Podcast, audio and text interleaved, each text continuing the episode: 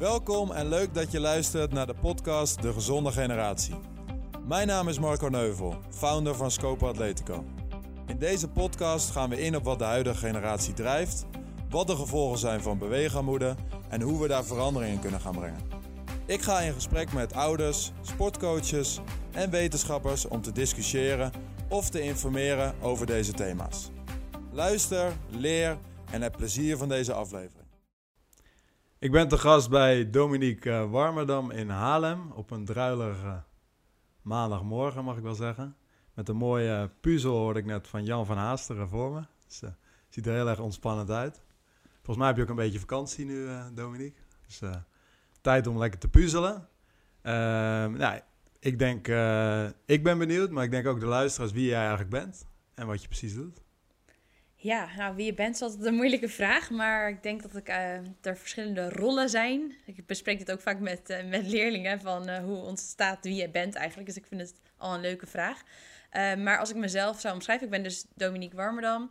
Ehm, ik voel me meest zeg maar, op mijn gemak bij mijn rol als ondernemer, psycholoog en docent. Dat samen. Ik ben oprichter van psychologie in het onderwijs. dat is niet wie ik ben, maar dat is wel iets wat ik heel belangrijk vind. En, ik, uh... en het onderwijs, uh, nou, die, dat staat, ligt weer een beetje op zijn gat nu. Zeker tot al half januari. Uh, ja. is, is het weer anders? Of ja. Wat betekent dat nu voor jou, deze... Nou, het onderwijs heeft het wel zwaar gehad. En als het onderwijs het zwaar heeft, dan heb ik dat ook. Ja. Um, ik, wat betekent het? Ik ben, nou, het is wel, ik ben twee jaar geleden begonnen met het idee van psychologie in het onderwijs. En ik ben pas uh, in februari afgelopen jaar echt fulltime uh, gaan ondernemen op psychologie in het onderwijs. En toen ging in maart was er al lockdown. Uh, dus ja, dat was al. Toen werd eigenlijk alles eruit gehaald meteen. En dat werd ook niet alleen voor maart eruit gehaald, maar gewoon voor de rest van het schooljaar. Dus dat was wel een hele moeilijke tijd. En toen hebben we wel veel dingen online ook omgezet. Dus en toch nog wel een aantal dingen gedaan. Vooral gewerkt aan zichtbaarheid. En toen na de zomer, toen ging het echt uh, rollen. En nu is het dus eigenlijk heel druk. En dan heb je in januari gewoon, weet je wel, wil je er verder. En dan, dan zie je toch weer dat deze, door deze lockdown. Um, de scholen zijn verder, wij zijn verder. En toch zie je dat het heel veel effect heeft. De scholen gaan wel kijken naar, oké, wat moet er nu meteen gebeuren? Dus halen heel veel extra dingen eruit. En dat betekent best wel veel voor mij voorlopig. Dus uh, ik, niet te snel in paniek schieten, want er zijn veel mogelijkheden. Maar het heeft wel effect. Ja, want welke mogelijkheden heb je allemaal gezien? Je zegt zichtbaarheid daar ben ik dingen in gaan doen. Wat ik zelf ben gaan doen in... Ja, uh, ja ik denk dat ik vooral uh, meer ben gaan... Ja, meer op marketing ben gaan focussen in de zin van gewoon vertellen wat ik doe en wat het resultaat daarvan is. Maar ook wel de ontwikkeling van... Uh, doorontwikkeling van modules psychologie. Uh, echt gewoon veel meer ja, tijd om aan je bedrijf te werken in die zin. Of aan de missie, zou ik liever willen zeggen, dan uh, aan mijn bedrijf. En dat heeft wel zijn vruchten afgeworpen. Uh, dus daardoor ben ik niet zozeer... Ik heb heel veel vertrouwen in dat het gewoon goed komt. Maar het is even een, een tegenslag. Maar daar moet je mee. Zonder tegenslag geen overwinning. Precies. Dat is mooi verteld. Ja. Um, en oké, okay, ja, precies die coronatijd. Uh, en deze podcast, die gaat over de gezonde generatie. Nou, ja. Deze tijd is natuurlijk bij uitstek de tijd dat er heel veel over gezondheid gesproken wordt. En wat je daarin kunt doen om preventief gezond te blijven. Wat betekent dat voor jou uh, nu in deze tijd? Veel voor mijzelf? Veel puzzelen? Of, uh... Nou, wel ontspannen. Ik ja. denk dat, uh, dat ik, ik, ja, als ondernemer is het best wel lastig om vakantie te nemen. En zeker als je in een jaar zit waarin je eigenlijk ja, voor je gevoel een soort van minder ver bent dan je zou willen zijn. Omdat je steeds ja, moet wachten op de tijd of door externe factoren uh, zorgt dat je niet ja, altijd kan doen wat je wil doen is het ook moeilijk om rust te nemen. Maar ik weet wel dat dat heel belangrijk is. En ik, wat ik heel mooi vind aan ondernemen is dat je, je bent zelf altijd je meest duurzame instrument. Maar als je onderneemt weet je het zeker. Want als jij niet meer kan functioneren uh, of niet meer kan, goed kan presteren, dan heeft dat direct invloed op je missie of je bedrijf. Dus de urgentie om goed voor jezelf te zorgen wordt alleen maar groter. Uh, en dan merk ik wel dat als ik dan de afgelopen maanden hard heb gewerkt, dat ik wel echt voel van oké, okay, nu is het wel even tijd om, uh, om te ontspannen. Dat is voor mij in ieder geval iets. Uh, en ontspannen, hoe doe je dat allemaal? Dat ontspannen? Nou, dat is ook voor mij een zoektocht hoor. Dus dan neem ik in eerste instantie gewoon vrij. En dan ga ik bedenken, oh jee, ik ga nu ontspannen. En dan krijg ik een soort van afkikverschijnselen even. En dan, ik heb bijvoorbeeld mijn uh, LinkedIn van mijn telefoon afgehaald. Mijn mail van mijn telefoon afgehaald. Dus echt zorgen dat mijn prikkels minder worden. Alleen voor de vakantie? Ja, voor de vakantie. En daarna gelijk weer... Uh, ja, en dan doe ik het daarna weer wel. Maar gewoon om niet de behoefte te voelen om constant te kijken wat Oh, er interessant. Wat er komt. En ik, ik, ja, ik vind bewegen uh, belangrijk. Uh, belangrijk. Ja, puzzelen, dat is niet iets wat belangrijk is, maar ontspanning, plezier is belangrijk. En ook wel, ik denk wel reflectie en ja, gewoon afstand nemen is denk ik ook heel belangrijk. Ja, ja hier kan ik heel lang over doorpraten, ja. maar ik, ik, ja, ik denk dat bijvoorbeeld zo'n periode met kerst, ik vind het ook heel belangrijk om terug te blikken op de dingen die je hebt gedaan. Omdat je in de waan van de dag uh, heb je het ook. Weet je, ben je soms heel erg druk bezig met de volgende stap en weer de volgende stap. En ik denk ook wel dat soms stilstaan heel belangrijk is. En ook uh, ja, dankbaar zijn voor wat er allemaal is gelukt. En ook kijken naar wat er allemaal goed is gegaan. Uh, ja. En wat is er allemaal gelukt in uh, 2020? Oeh, in 2020. Wat een goede, vra goede vraag. Nou, waar ik wel echt trots op ben, is dat we dus ondanks corona, dat ik uh, ja, afgelopen jaar meer dan twintig scholen uh, iets betekent. En het is wel best wel snel gegroeid sinds, uh, sinds de start. Februari, ja. Sinds februari eigenlijk. Ik heb een team van trainers, psychologen. Ja, ik noem het psychologen, trainers. Ik heb er nog niet een goed woord voor bedacht. Maar mensen om me heen die, die helpen met het geven van psychologie, lessen en trainingen. Maar ook als ik kijk naar de betrokken klanten, maar niet alleen maar de klanten, maar ook gewoon mensen om me heen, uh, die echt staan achter de missie. Dat vind ik heel tof. Dus uh, ik heb gewoon echt het gevoel dat uh, mensen zich aansluiten en dat ik wel iets bijgedragen heb aan het bewustzijn dat mentale gezondheid echt een belangrijk onderwerp is, wat in, ieder geval in het onderwijs ontbreekt, maar ja. net zo goed in de sport. Ja, precies. Ja. Mentale gezondheid. Ik wil het zo even verder ja, over je missie hebben. Ja. Maar je noemde ook al van bewegen, vind ik belangrijk. Ja. En nou, ik begreep dat je vroeger veel gehockeyd ja.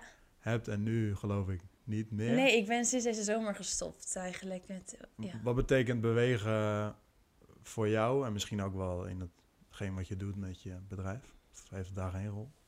Oeh, dan wordt het bijna een filosofische vraag. Wat betekent beweging? Maar Kijk, ik merk wat ik lastig vind als... Ja, zeg maar in je dagelijks leven. Ja, in mijn dus- dagelijks leven. Nou, het is ook iets waar ik echt mee struggle, hoor. Zal ik Ja. heel eerlijk over zijn. Want ik denk ook als je veel hebt gesport in je jeugd... dan ben je ook gewend om het op eh, ja, Bepaald niveau. bepaalde niveau te doen... maar ook op bepaalde tijden. Het wordt eigenlijk Ja. heel erg voor je geregeld. Dus je weet op welke dagen je waar moet zijn. Daar kan je niet onderuit, dus je gaat sowieso... En dan, eh, en dan als dat wegvalt, dan de, ja, de discipline vinden om dat weer voor jezelf te doen. En ook op een manier die bij je past. Want misschien hoeft het niet meer op hetzelfde eh, niveau. Eh, ik, ik kijk nu veel meer naar gezondheid dan naar prestatie. Dus Ja. het is veel meer van dat ik denk van ja, beweging is belangrijk. Omdat het gewoon gaat over ook je stresslevel omlaag krijgen. En ik werk best wel veel, ik denk veel. En dan merk ik gewoon als ik de hele dag heb gezeten dat dat, dat, dat, ja, dat Ja. effect heeft. Ja. Dus dan Wat ik- ga je dan doen? ja, een rondje wandelen. Wandelen? Vaak met lunch of eh, s s'avonds. ik, ik ga wel eens sporten in de zin van squashen. Of, eh, maar vooral wandelen. Dat is wel echt mijn... eh, Ja, is toch, ik, ik vind het wel raak wat je zegt. Van, zeg maar, als je jong bent of tot een bepaalde leeftijd, dan wordt het eigenlijk allemaal voor jou gestructureerd en georganiseerd. En dan kom je op een bepaalde leeftijd dat je misschien door werk of nou, ja, je gaat op een wat recreatiever niveau, eh, wil je bewegen of sporten. En dan is het toch lastig om daar een bepaalde weg in te vinden. Iedereen vlucht dan toch snel naar de sportschool. Nou, ik vind het Ja. een heel interessant thema. Want ik denk zelfs dat eh, doordat het prestatie-element altijd erbij zat... dat ik er meer moeite mee heb om met plezier te sporten. Dus dat ik Ja. daar echt... eh, ja, dat ik daardoor soms juist minder sport dan ik zou willen. Ja. Ja, ik, ik vind het Dat moeilijk... was eigenlijk de trigger voor jou om te gaan sporten misschien wel. Wat was het? Dat was eigenlijk misschien wel eh, hetgene wat je miste, dat wedstrijdelement in het sporten. Ja, omdat ik gewoon vooral dat ik het daar vooral voor deed. Dat ik heel erg Ja. bezig was met het presteren. En minder met het element van oh, lekker buiten spo- lekker sporten, het plezier. Terwijl dat er ook absoluut was. Eh, maar dat is vooral wat ik, wat ik nu mis. Alleen eh, bijvoorbeeld met hockey merk ik het al. Ik vind in een la- op een lager niveau hockeyen, dat doe ik dus niet. Omdat ik dat gewoon, daar kan ik gewoon echt geen plezier in hebben. En dat vind ik wel jammer. Ja. Want ik had wel dat. Ik had het ook wel fijn gevonden als ik dat wel leuk had gevonden. Ja, ja ik herken me er zelf er wel in. Ja. Eh, nou, ik ben nu de laatste weken wel gaan padellen met vrienden. Maar dan dat vind ik dan echt gaaf, omdat ik dan denk, ja, daar zit een wedstrijdelement in, competitie, maar ook met je vrienden. Dus er zit ook een sociale element in. Maar vooral ook dat je tegen elkaar met punten en zo, dat Ja. maakt toch ergens wel leuk. En een rondje rennen vind ik dan best wel een beetje doelloos. Ja. Dan moet je echt voor jezelf bijvoorbeeld een doel gaan stellen van ik wil het binnen die tijd of zo vaak per week gaan lopen. Maar Ja. ja, dat het is toch dat spel wat, wat dan trekt, denk ik. Ja, zeker. Dat, dat is gewoon, ik vind dat met squash ook wel heel leuk. Dat je dan echt, ook met oud teamgenootje wel, dat je dan gewoon beter kan worden en eh, kan winnen. Maar daar kan ik wel meer plezier in ervaren. Want dan heb ik minder hoge verwachtingen van wat ik moet, laat, moet laten zien. Ja. Dan kan ik er ook om lachen als het niet lukt. En dan is het alsnog heel leuk als je wint. Maar, maar, maar bij hockey zit er toch wat meer bij mij een soort van prestatiegevoel. eh, Ja, is op. toch eh, apart het dan dat het blijft hangen of zo. Ja, Nou, even terug naar je, Ja. jouw eh, missie. Je vertelde erover.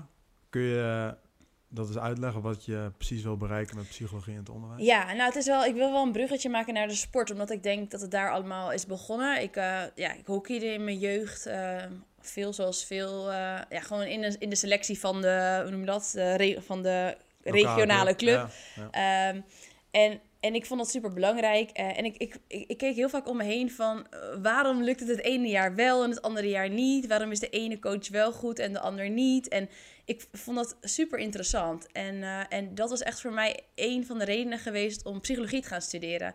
Omdat ik wilde, weten, wilde meer begrijpen van het gedrag eh, van mensen. Eh, en ook echt over hoe je kunt leren presteren en waarom de een wel lukt en de ander niet. Dus ik wilde, het- ik wilde ook sportpsycholoog worden. Dat leek me heel, eh, heel interessant. En toen ging ik psychologie studeren. Toen scheurde ik mijn kruisbanden. Ehm, eerst ene keer, nou, een paar jaar later de, eh, de andere kant. Dat heeft wel een beetje voor gezorgd dat ik mijn sport een beetje aan de kant heb gezet. En dat was op zich niet zo heel erg, omdat ik toen had ik ook mijn studententijd. En er kwamen een heleboel andere dingen op dat moment in mijn leven. Dus ik, ik ging een beetje weg van die sportwereld, waardoor ik dat sportpsychologie, dat, dat, dat, dat vergat ik even. Eh, ik ben uiteindelijk organisatiepsychologie gaan doen, wat heel veel elementen heeft, wat daar wat gewoon raakt aan, aan sportpsychologie, denk ik.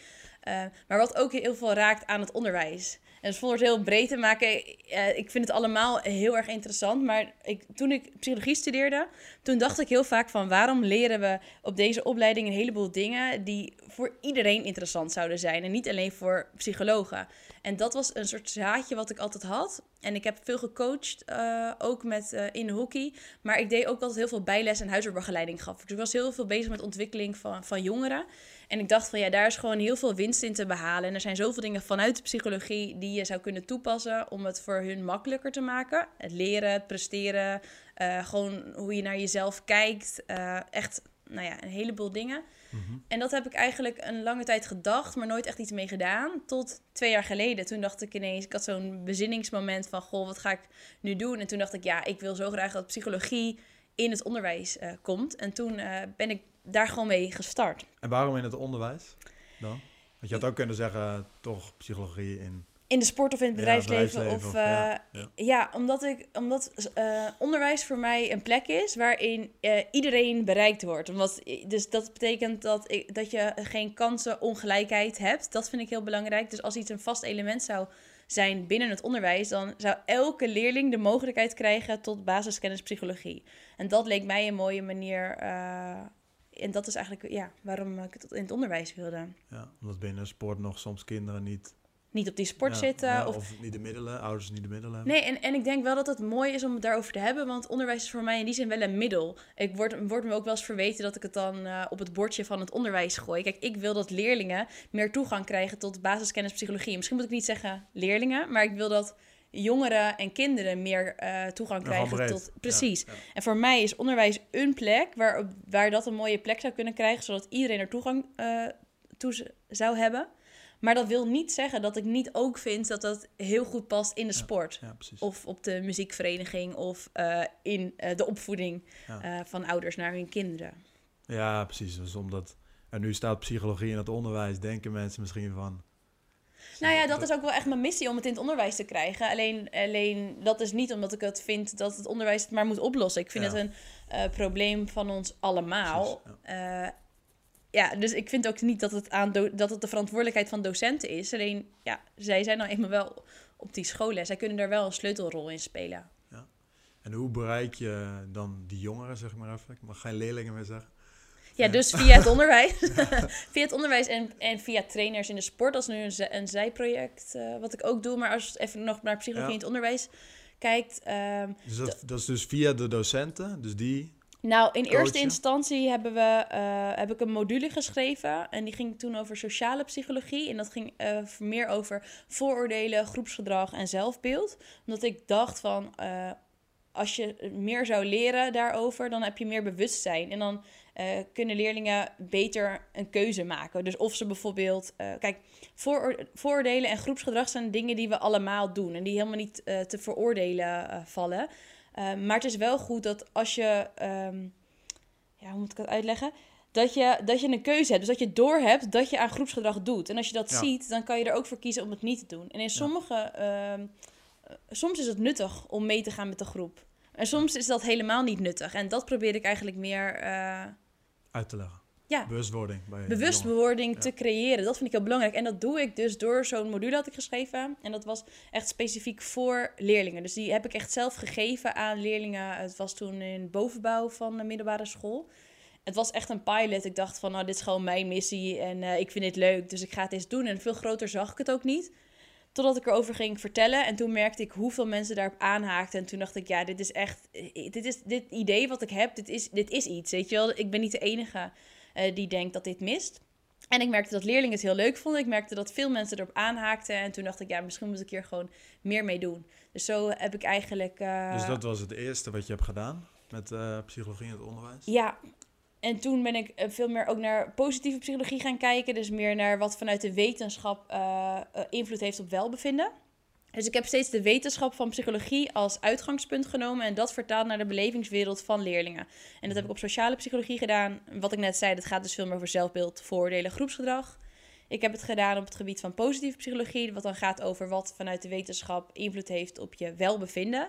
Dus dat dat gaat over doelen stellen, waarden, um, positieve relaties, dankbaarheid, precies, autonomie. Nou, keuze, ja, ik noem dat voor hun keuzevrijheid, maar een hele, dat, soort, dat soort thema's.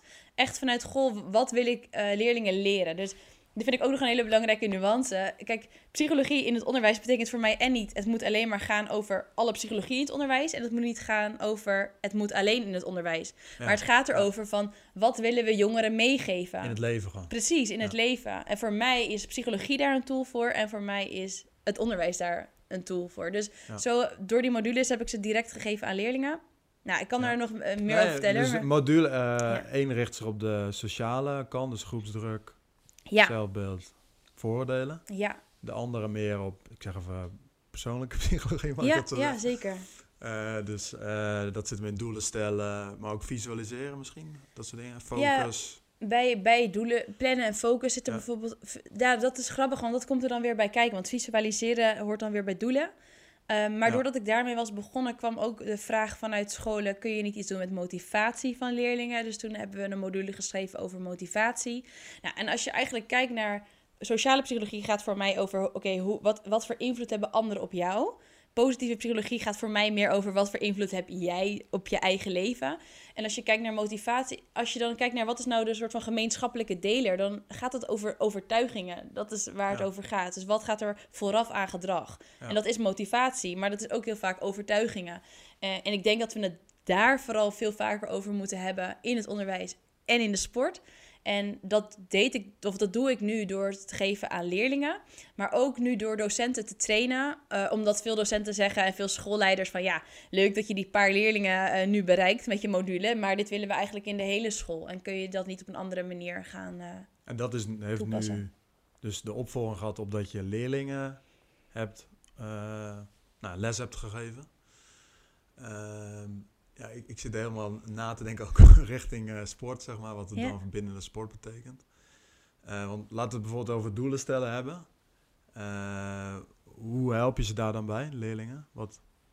Nou, bijvoorbeeld als je kijkt naar doelen stellen, dan gaan ze er ook heel erg van uit dat als je kijkt in de klas, hè, dan maak, zal ik je vertaling maken naar sport, dan is heel snel een doel van nou, ik wil overgaan. Ja. Maar de vraag is, is dat ten eerste echt je doel? Dus die vraag wordt eigenlijk niet, niet gesteld. Het is een soort van opgelegd eigenlijk dat dat je doel is. Dus dat wil ik al ter discussie stellen. Wat is nou eigenlijk echt je doel? Ja. En vervolgens, als dat je doel is, dan is dat heel vaak nog heel ver weg. Dus hoe kan je dat doel dan weer opsplitsen in kleinere, in kleinere stapjes? En het is een soort uh, resultaatdoel, toch? Ja, het is, ja. Ja. Ja, nou, jij zit meer op de leer, leerdoelen, of... Ja, ja, ja. Ik, ik heb ooit geleerd. Ja. Je hebt procesdoelen. Dat gaat over, nou, je wilt beter worden en wat moet je dan doen om beter te worden. Ja. Dus in het voetbal zeg ik dan even, nou, je gaat heel veel oefenen op je vrije trap om je vrije trap te verbeteren.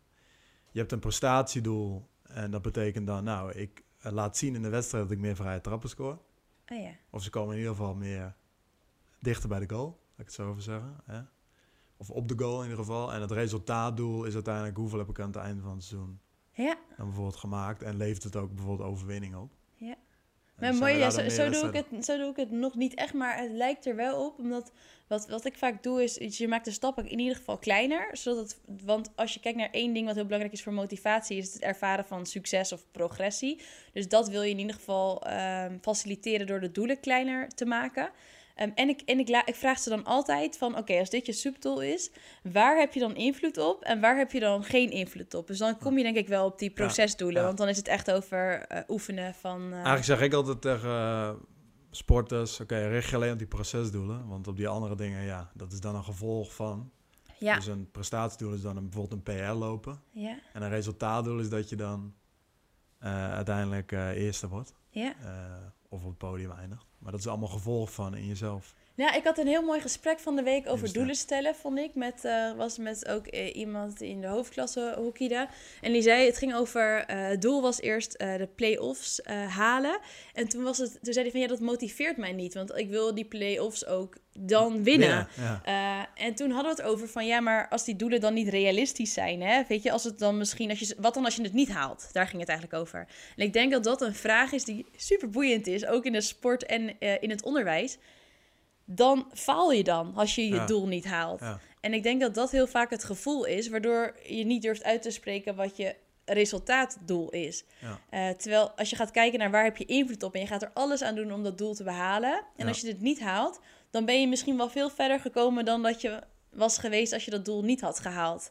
En dat is dan weer een overtuiging, Ja, toch? Dat je... dat het falen Ja, is en het ja. identificeren met je met prestaties, überhaupt met presteren. Ja, En ik, ik denk dat, dat dat al een punt is waar, waar we het vaker over zouden moeten hebben. Want ik denk ook dat, in het, dat dit in de sport heel vaak gebeurt.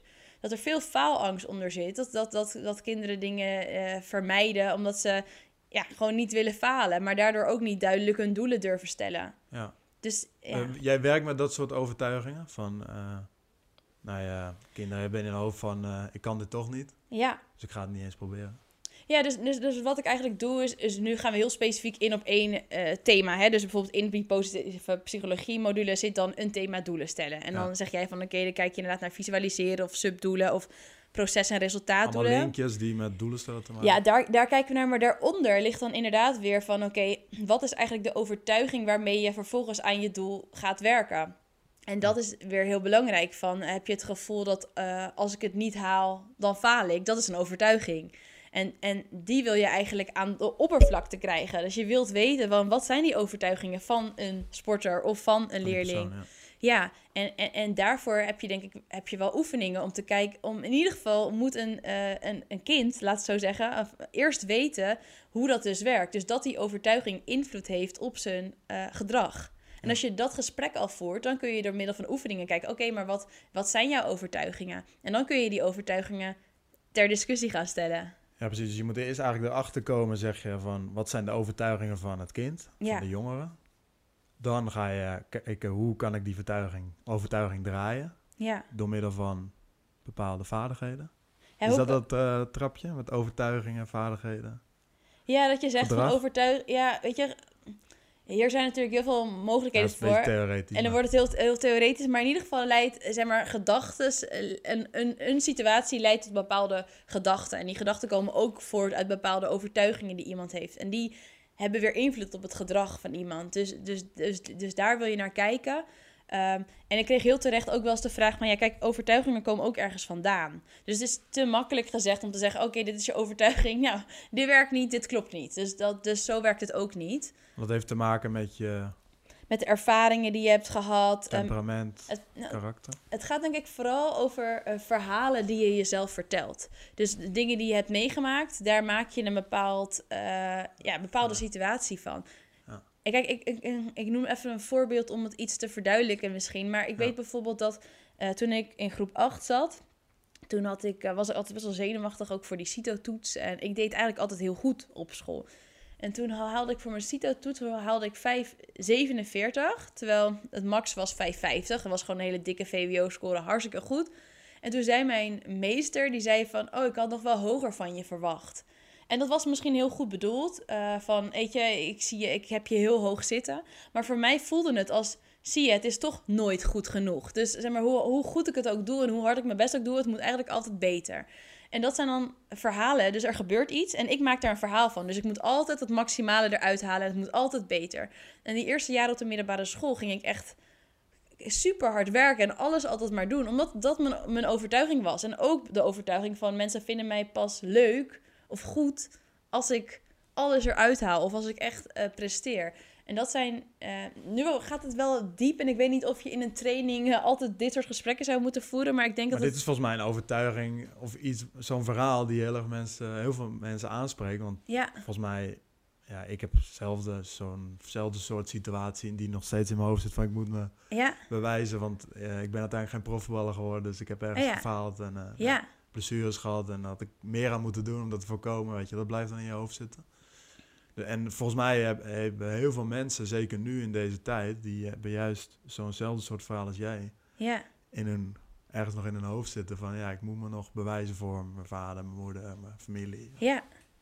Ja, ik, ik denk gewoon dat, dat het goed is om te weten dat de overtuigingen die we hebben, die komen ergens vandaan. Alleen ze zijn geen waarheid. Wij hebben dat verhaal zelf gemaakt. Ja. En dat verhaal dat kan je veranderen, maar daarvoor moet je wel weten wat het verhaal is wat je jezelf vertelt.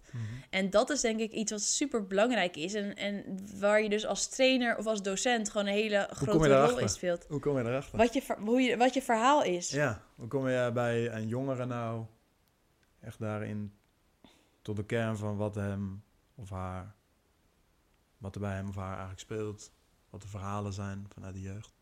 Ja, ik noem het dan ook niet echt verhalen. Dus hoe, hoe, hoe ik dat dan nu aanpak in het onderwijs, is vaak dat we het dan bijvoorbeeld hebben over. Om het gewoon uit te leggen van, oké, stel je haalt een eh vier voor je wiskundetoets. Dat is dan de situatie. Dat is gewoon een gebeurtenis en die vier is gewoon een cijfer. Mhm. Nou, wat zijn dan de verschillende gedachten die je daarover kan hebben? En dan kun je het al met, dan heb ik het met tweede klassers, kan je het hierover hebben. Die zijn 13, maar je kunt het hier met, met basisschoolleerlingen ook over hebben. Dus dat, dat, dat, dat weten ze best wel, Ja. wat de gedachten zijn die ze hebben over die situatie. Alleen het wordt eigenlijk niet zo vaak gevraagd. Ja. En dan zeggen ze van ja, eh, bijvoorbeeld op de middelbare school van ja, zie je wel, ik ben niet goed in wiskunde. Of het gaat me toch nooit lukken. En een andere leerling zegt van oh, het was, misschien was het gewoon een moeilijke toets. Eh, of de ander zegt van oh, misschien heb ik het gewoon nog niet goed geleerd. En dan kun je kijken van oké, er zijn dus er is éénzelfde situatie en daarover kun je verschillende gedachten hebben. En die gedachten die leiden, en dan vraag ik ook aan leerlingen van tot welk gevoel leiden die gedachten. En dat weten ze heel goed. Dus als jij een leerling vraagt wat, wat voor gevoel krijg je van de gedachte van het gaat me toch nooit lukken. Nou, een beetje moedeloos. eh, en dan vraag ik ook van wat is het gevolg daarvan? Nou, dat je eigenlijk minder gemotiveerd bent. Nou, dan hebben we het over, oké, wat zou ook een gedachte kunnen zijn? Nou, misschien beheers ik de stof nog niet goed genoeg. Dat is meer de growth mindset gedachte. Ja. Maar het zou ook kunnen zijn van, of eh, was dit toevallig een lastige toets? Iets wat je kan helpen. Ehm, en dan, wat is daarvan het gevolg? Wat, hoe, voel, hoe voelt dat? En dat voelt vaak als eh, een soort van, nou, ik kan er weer voor gaan. Het is een soort van positiever. Ja. En, en het gevolg daarvan is een verschil in gedrag. Ja. En, dus, je, ja. ja, dus je reikt de voorbeelden aan met verschillende overtuigingen ook die erbij horen bij een jongere leeftijd. ja, En bij een oudere leeftijd wil je denk ik liever dat ze zelf met de... Ja, en het is, wel, het is wel een interessante vraag. Hoe kun je dit, hoe kun je Ja. dit ge- gesprek, gesprek met jongeren eh, voeren? Wat mijn, wat mijn beleving is, is dat ze daarvoor wel een specifiek thema nodig hebben. Dus als je gewoon vraagt van, nou, wat deed ik in het begin? Toen vroeg ik van, nou, wat zijn je helpende gedachten? En dan keken ze me aan en dachten ze echt van, ja, waar heb jij het over? of eh, wat is je niet helpende gedachte? Dus, dus, dat, dus dat moet wel beter opgebouwd worden. Dus wat helpt is het uitleggen hoe dit werkt. Vervolgens voorbeelden nemen die heel specifiek zijn. Dus wat zijn jouw gedachten over de coronasituatie? Het feit dat je nu bijvoorbeeld eh, thuisonderwijs hebt, wat sommige leerlingen op middelbare school nu hebben. Of wat, wat zijn je gedachten over het halen van een laag cijfer? Dus als je het dan al specifiek maakt, weten ze het beter. Dus in de sport zou je kunnen zeggen, wat zijn je gedachten als je een keer mis uh, als je slaat? Vol, of voor een lege goal komt en dan mist, ja. Precies, je komt voor een lege goal en je mist. Wat, wat zijn de gedachten die je daarover hebt? En dat, dat, dat weten leerlingen wel uh, vaak. En soms vinden ze het makkelijker om het over iemand anders te zeggen. Dus wat je ook kan doen is uh, stel je voor, uh, noem het even Pietje of Sophie, of uh, komt voor een leeg doel en, of voor open goal en ze mist. Wat zou Sophie dan denken? En heel vaak reflecteren die wat een kind dan zegt, dat denkt hij vaak zelf. Maar dat vindt hij makkelijker om over iemand anders te zeggen dan over zichzelf. Dus dat zijn dan trucjes om te gebruiken. En ik denk als trainer en als docent heel erg je eigen voorbeelden inbrengen. Ja. Oké. Nou, ik zit even een uh, bruggetje naar hoe kan ik daar ook mee werken. Dat is interessant.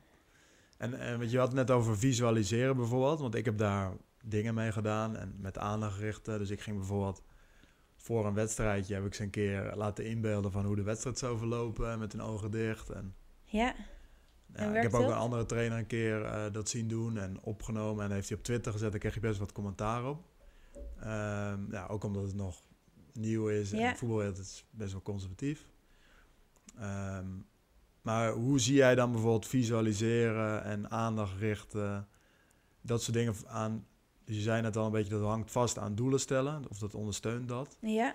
Of kun je het ook als los inzetten? En ja, wat voor middel is dat dan? Ik vind het lastig om daar... Visualiseren. Ja, ja, hoe, ja okay. hoe, gebruik je dat, ja, zeg maar? Nou, wat, wat, ik, wat, wat, wat ik daar last aan vind, ik vind dat een moeilijk thema. Ik, ik zal niet, niet zeggen dat ik op het gebied van visualiseren volledig uh, in maar je hebt ook gedachtecontrole ja. uh, en dat, dat zien ze dan als mentale training. Dus ja. nou, zeg maar via de studie bewegingswetenschappen die ik heb gedaan, heb ik allerlei sportpsychologen voorbij zien komen. Die het dan hadden meestal over vijf mentale vaardigheden. Dus dat is uh, gedachtecontrole, visualiseren, aandacht richten, presteren onder druk en doelen stellen. Ja. Die vijf. En ja, dan zei ze, ja, daar moet je dan uh, met je spelers mee aan de gang. Ja. En uh, aanbod en voor jonge leeftijd kijken. Ik dacht, presteer onder druk, ja. Volgens mij jonge kinderen moeten sowieso geen druk hebben, dus nee. moet je niet over beginnen. Dat is meer hoe je je rol als coach, dat je zorgt voor plezier en ontwikkeling. Maar hoe ga je dan met die andere vaardigheden, zeg maar, om? Moet je die dan trainen? Uh, doe je dat in spelletjes? daar ben ik nog steeds wel... Ik zie Zoeken, dat... ja, want je ziet het heel vaak gebeuren, zeg maar, naast het veld maar volgens mij is het juist heel interessant wat ze doen. In het veld. In, het, in de situatie. Ja, dat vind ik wel heel moeilijk. Want als je het hebt over gedachten en overtuigingen, dan, dan is het inderdaad een mentaal proces. En ik weet niet of je op het moment zelf precies weet wat je gedachten dus zijn. Je dus ik denk toch wel dat, dat het nodig is om uh, dat dit wel reflectie is. Dus dat, dat, dat het iets cognitiefs is en dat het, dat, dat niet direct plaatsvindt. Maar je zou af en toe wel misschien een training stil kunnen leggen en het op dat moment eens kunnen vragen. En dat, dat zou wel heel interessant zijn. Maar ik, ik vind dat moeilijk, want ik weet niet precies. Ik, ik... Omdat het ook zijn weg nog niet echt heeft gevonden, zeg maar, in de sport. Zie ik, ik ken weinig trainer, coaches die echt bewust, zeg maar... Nee, maar het zou met hele simpele dingen dus voor mijn gevoel kunnen. Want dit is eigenlijk al een complexe vraag. Maar als je, waar we het net over hadden, van een, een speler uh, mist voor open goal. Het is best wel boeiend om eens aan je team, aan alle uh, uh, sporters te vragen van wat zijn jullie gedachten? En om ze dan eens te vergelijken. Want dan kom je er misschien achter dat de ene denkt van nou ja, weet je, ik heb het geprobeerd en het is niet gelukt. En dat de ander denkt van ik ga het nooit, ik ga het niet meer nog een keer proberen, want ik kan dit helemaal niet. Ja, dus dan, dan weet je ook wat het voor hem of haar doet als het echt gaat gebeuren. Ja, het is denk ik als, als, als trainer heel fijn om te weten wat voor gedachten een sporter heeft. Want dan kan je daar weer op inspelen. Ja. Uh, maar het is ook fijn voor uh, sporters, dus voor jongeren, om te zien van... hé, hey, wat ik, ik heb een bepaalde gedachte ergens over... maar mijn teamgenootje heeft er een andere gedachte ja. over. Dus dat zorgt ervoor dat ze dat bewustzijn krijgen dat dat maar een gedachte is... en dat die gedachte geen waarheid is. Ja. En dat je die gedachte wel kunt beïnvloeden. Mooi. Ja. dus je zegt eigenlijk moet je wel het gesprek ook gewoon voeren. Ja, misschien vind ik altijd dat je het, dat is dat het antwoord. Dat, je, dat, je, het, dat je dingen bespreekbaar uh, moet maken. En ik, en ik vind vooral, kijk, ik zie um, het, het hebben over gedachten en over overtuigingen, zie ik niet als iets zwaars. En zie ik ook niet iets als iets wat bij een. Uh, kijk, bij volwassenen is het zo dat als je geluk hebt, heb je, krijg je er een bepaalde training over bij je werk misschien een keer. Of misschien beland je bij een psycholoog en dan krijg je cognitieve gedragstherapie en dan leer je het ook. Uh, maar daarvoor kom je er eigenlijk niet mee in aanraking. Terwijl ja. zoveel invloed heeft op je op je gedrag, op je prestaties, op je sport, op je plezierbeleving, op in de sport, maar ook in het onderwijs op de manier waarop je leert. En ik denk dat als je daar eerder bewustzijn van creëert, gewoon op een luchtige manier van hé, hey, wat denk je hierover? Helpt die gedachte je? Wat zou je nog meer kunnen denken? hey, kijk, je teamgenootje die heeft deze gedachte. Zou die voor je kunnen werken? Of waar komt die gedachte eigenlijk vandaan? Uh, dat je niet mag falen. Dat ja, gesprek. het gesprek voeren. Ja. ja. Nou, super mooi uh, dat je dat doet en hoe je dat doet. Ik had het net over de trainer-coach, maar je helpt nu dus ook zeg maar, de docenten binnen het onderwijs. Ja. Uh, ja hoe help je hun dan om, zeg maar, want je bent dan eigenlijk weer een soort van overstijgend bezig. Een beetje, je moet ook een beetje het helikopteroverzicht hebben van hoe ga je dan vanuit jouw rol richting de docent. De docent moet de jongeren helpen. Ja, dus ik denk dat het interessant is om uh, de vraag ook wel vanuit docenten te laten komen. Van waar lopen zij tegenaan? En een van de eerste trainingen die, die ik gaf was echt op aanvraag van het docententeam. Over, weet je, wij hebben uh, leerlingen waar gewoon meer in zit maar waar, waar het niet lukt om alles eruit te krijgen. En we hebben het gevoel dat daar een soort van faalangst onder zit. En hoe komen we daar nou bij? Het lijkt een soort van black box hè, in de psychologie. Van er gebeurt iets bij die leerling in zijn hoofd en we hebben er geen grip op. En dat is eigenlijk waar ik probeer tools uh, in aan te bieden. Van hey, wat voor manier kan je wel het gesprek hierover voeren, zodat je, dat het geen black box meer is, maar dat je weet wat een leerling eigenlijk denkt. Of wat zijn overtuiging is. Want dan kun je daar ook uh, invloed op uitoefenen. En het is belangrijk, kijk, je hebt geen verantwoordelijkheid als docent op de overtuiging van je leerling, maar je hebt wel ook invloed. En die invloed wil je zo goed mogelijk gebruiken. En dat, dat geldt als sporters ook. Ik denk echt dat, dat uh, trainers onderschatten wat voor belangrijke rol zij uh, hebben op de ontwikkeling en de overtuigingen van, uh, van kinderen. Want zij maken die overtuigingen ook door hetgeen wat jij zegt. Ja. Dus dan lijkt het me allereerst los van dat je het interessant vindt om te weten wat de overtuiging van die, van die van jouw sporter is, of van, je, van de jongeren, ook is heel interessant om eens naar jezelf te kijken van hé, hey, wat zijn mijn overtuigingen en hoe hebben die weer invloed op degene die ik train.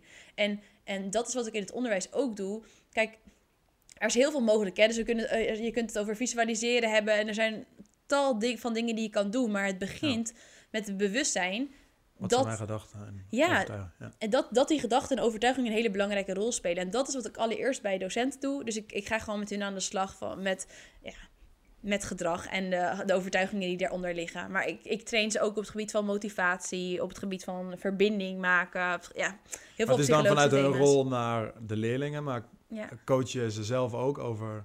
Want je zei, je moet eerst jezelf kennen voordat je anderen kunt helpen? Nou ja, nou ja bijvoorbeeld um, wat ik een heel mooi voorbeeld uh, vind... en dat ik weet zeker dat dit namelijk in de sport ook heel vaak uh, geldt... is, uh, ik weet niet of je het self-fulfilling prophecy effect kent... maar als je het toch hebt over overtuigingen...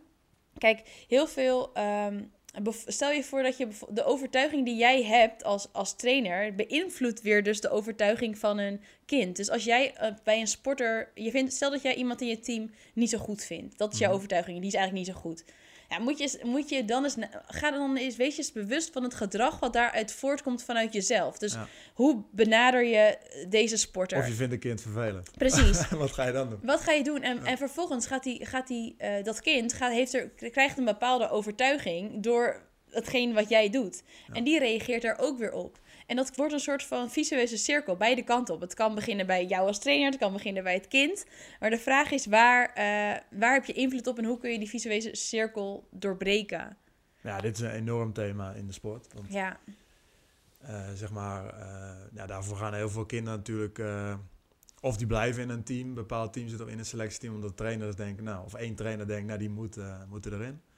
En dan wordt het ook een soort self-fulfilling prophecy. Want ja, die kinderen die zitten in het slechtste in, dus dat zijn de best. Maar ja, die krijgen ook de meeste training en de beste trainers. Dus ja.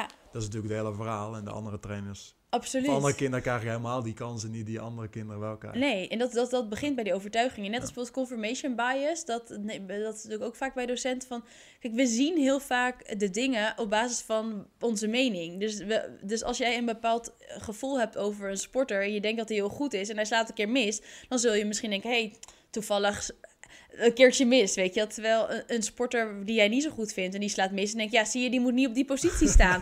dus in die zin bepalen jouw overtuigingen heel erg het gedrag uh, op je sporters. En dus daarom denk ik dat het nog belangrijker is dan het een gesprek daarover met je sporters hebben. Dat trainers er zich van bewust zijn wat hun overtuigingen zijn en wat voor rol die spelen in hun uh, training. En dat geldt voor docenten ook. Wat, wat zijn jouw overtuigingen? Daar begint het allemaal. En een van de belangrijkste dingen daarin is dus wat je zegt, dat self-fulfilling prophecy. Dat, dat zijn die overtuigingen die ze hebben over bepaalde kinderen. Van hè, die jongen is, nou die mag ik heel graag, want die lijkt misschien heel erg op mij. Ja. En dat meisje is heel erg vervelend. Uh, of, uh... Nou, bijvoorbeeld, wat, wat, wat ik bijvoorbeeld merk bij motivatietrainingen is dat leerlingen het gevoel hebben van: uh, kijk, ik kan toch niet meer goed doen. Dus ik heb, soms, weet, soms hebben leerlingen zich vervelend gedragen. En dat zullen sporters op een training ook doen. En dat mm weten ze soms best wel. Ja. En daardoor heeft een docent een bepaald idee gekregen van die leerling, of die trainer dus van de sporter.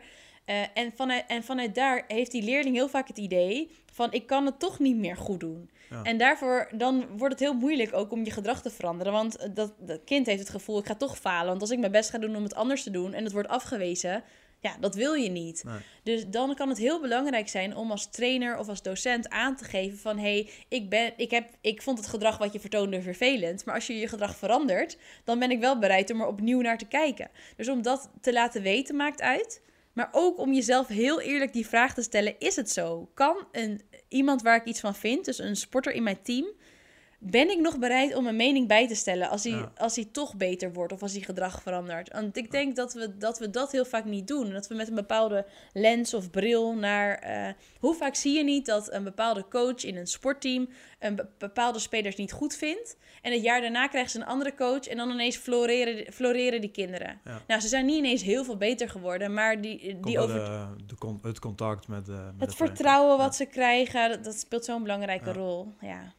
Is dat ook een van de, want de luisteren trainers, ja. Uh, maar misschien mensen in het onderwijs, uh, veel verschillende mensen die een rol hebben richting kinderen, de nieuwe generatie. Ja. Uh, is dat ook je belangrijkste tip? Of heb je nog andere tips die je zou meegeven aan trainers, docenten? Ja, ik denk dat wel de belangrijkste tip is: wees je bewust van je eigen overtuigingen en wees heel eerlijk naar jezelf. Ben je ook bereid om ze bij te stellen? Ik denk dat het, dat het daar vooral om gaat. En uh, nou, dat, dat is het denk ik wel. Ik, daar begint het. Ja, Dat, dat is, dat als ik iets zou mogen meegeven, dan, dan is dat het wel.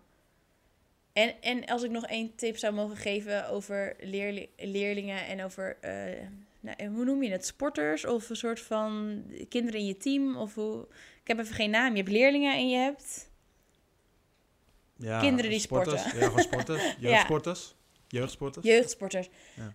Heel, heel, we denken ook best wel snel dat, dat, dat kinderen iets niet willen. Maar heel vaak is het zo dat ze het niet kunnen. Of dat ze niet weten hoe ze het moeten doen. En ik denk dat dat, dat, dat een soort van mind shift is. Als je die maakt, dat je al veel beter kan kijken... hé, hey, wat kan ik doen om ervoor te zorgen dat hij het wel wil gaan doen? Dat is ook heel belangrijk. Ja. Mooi.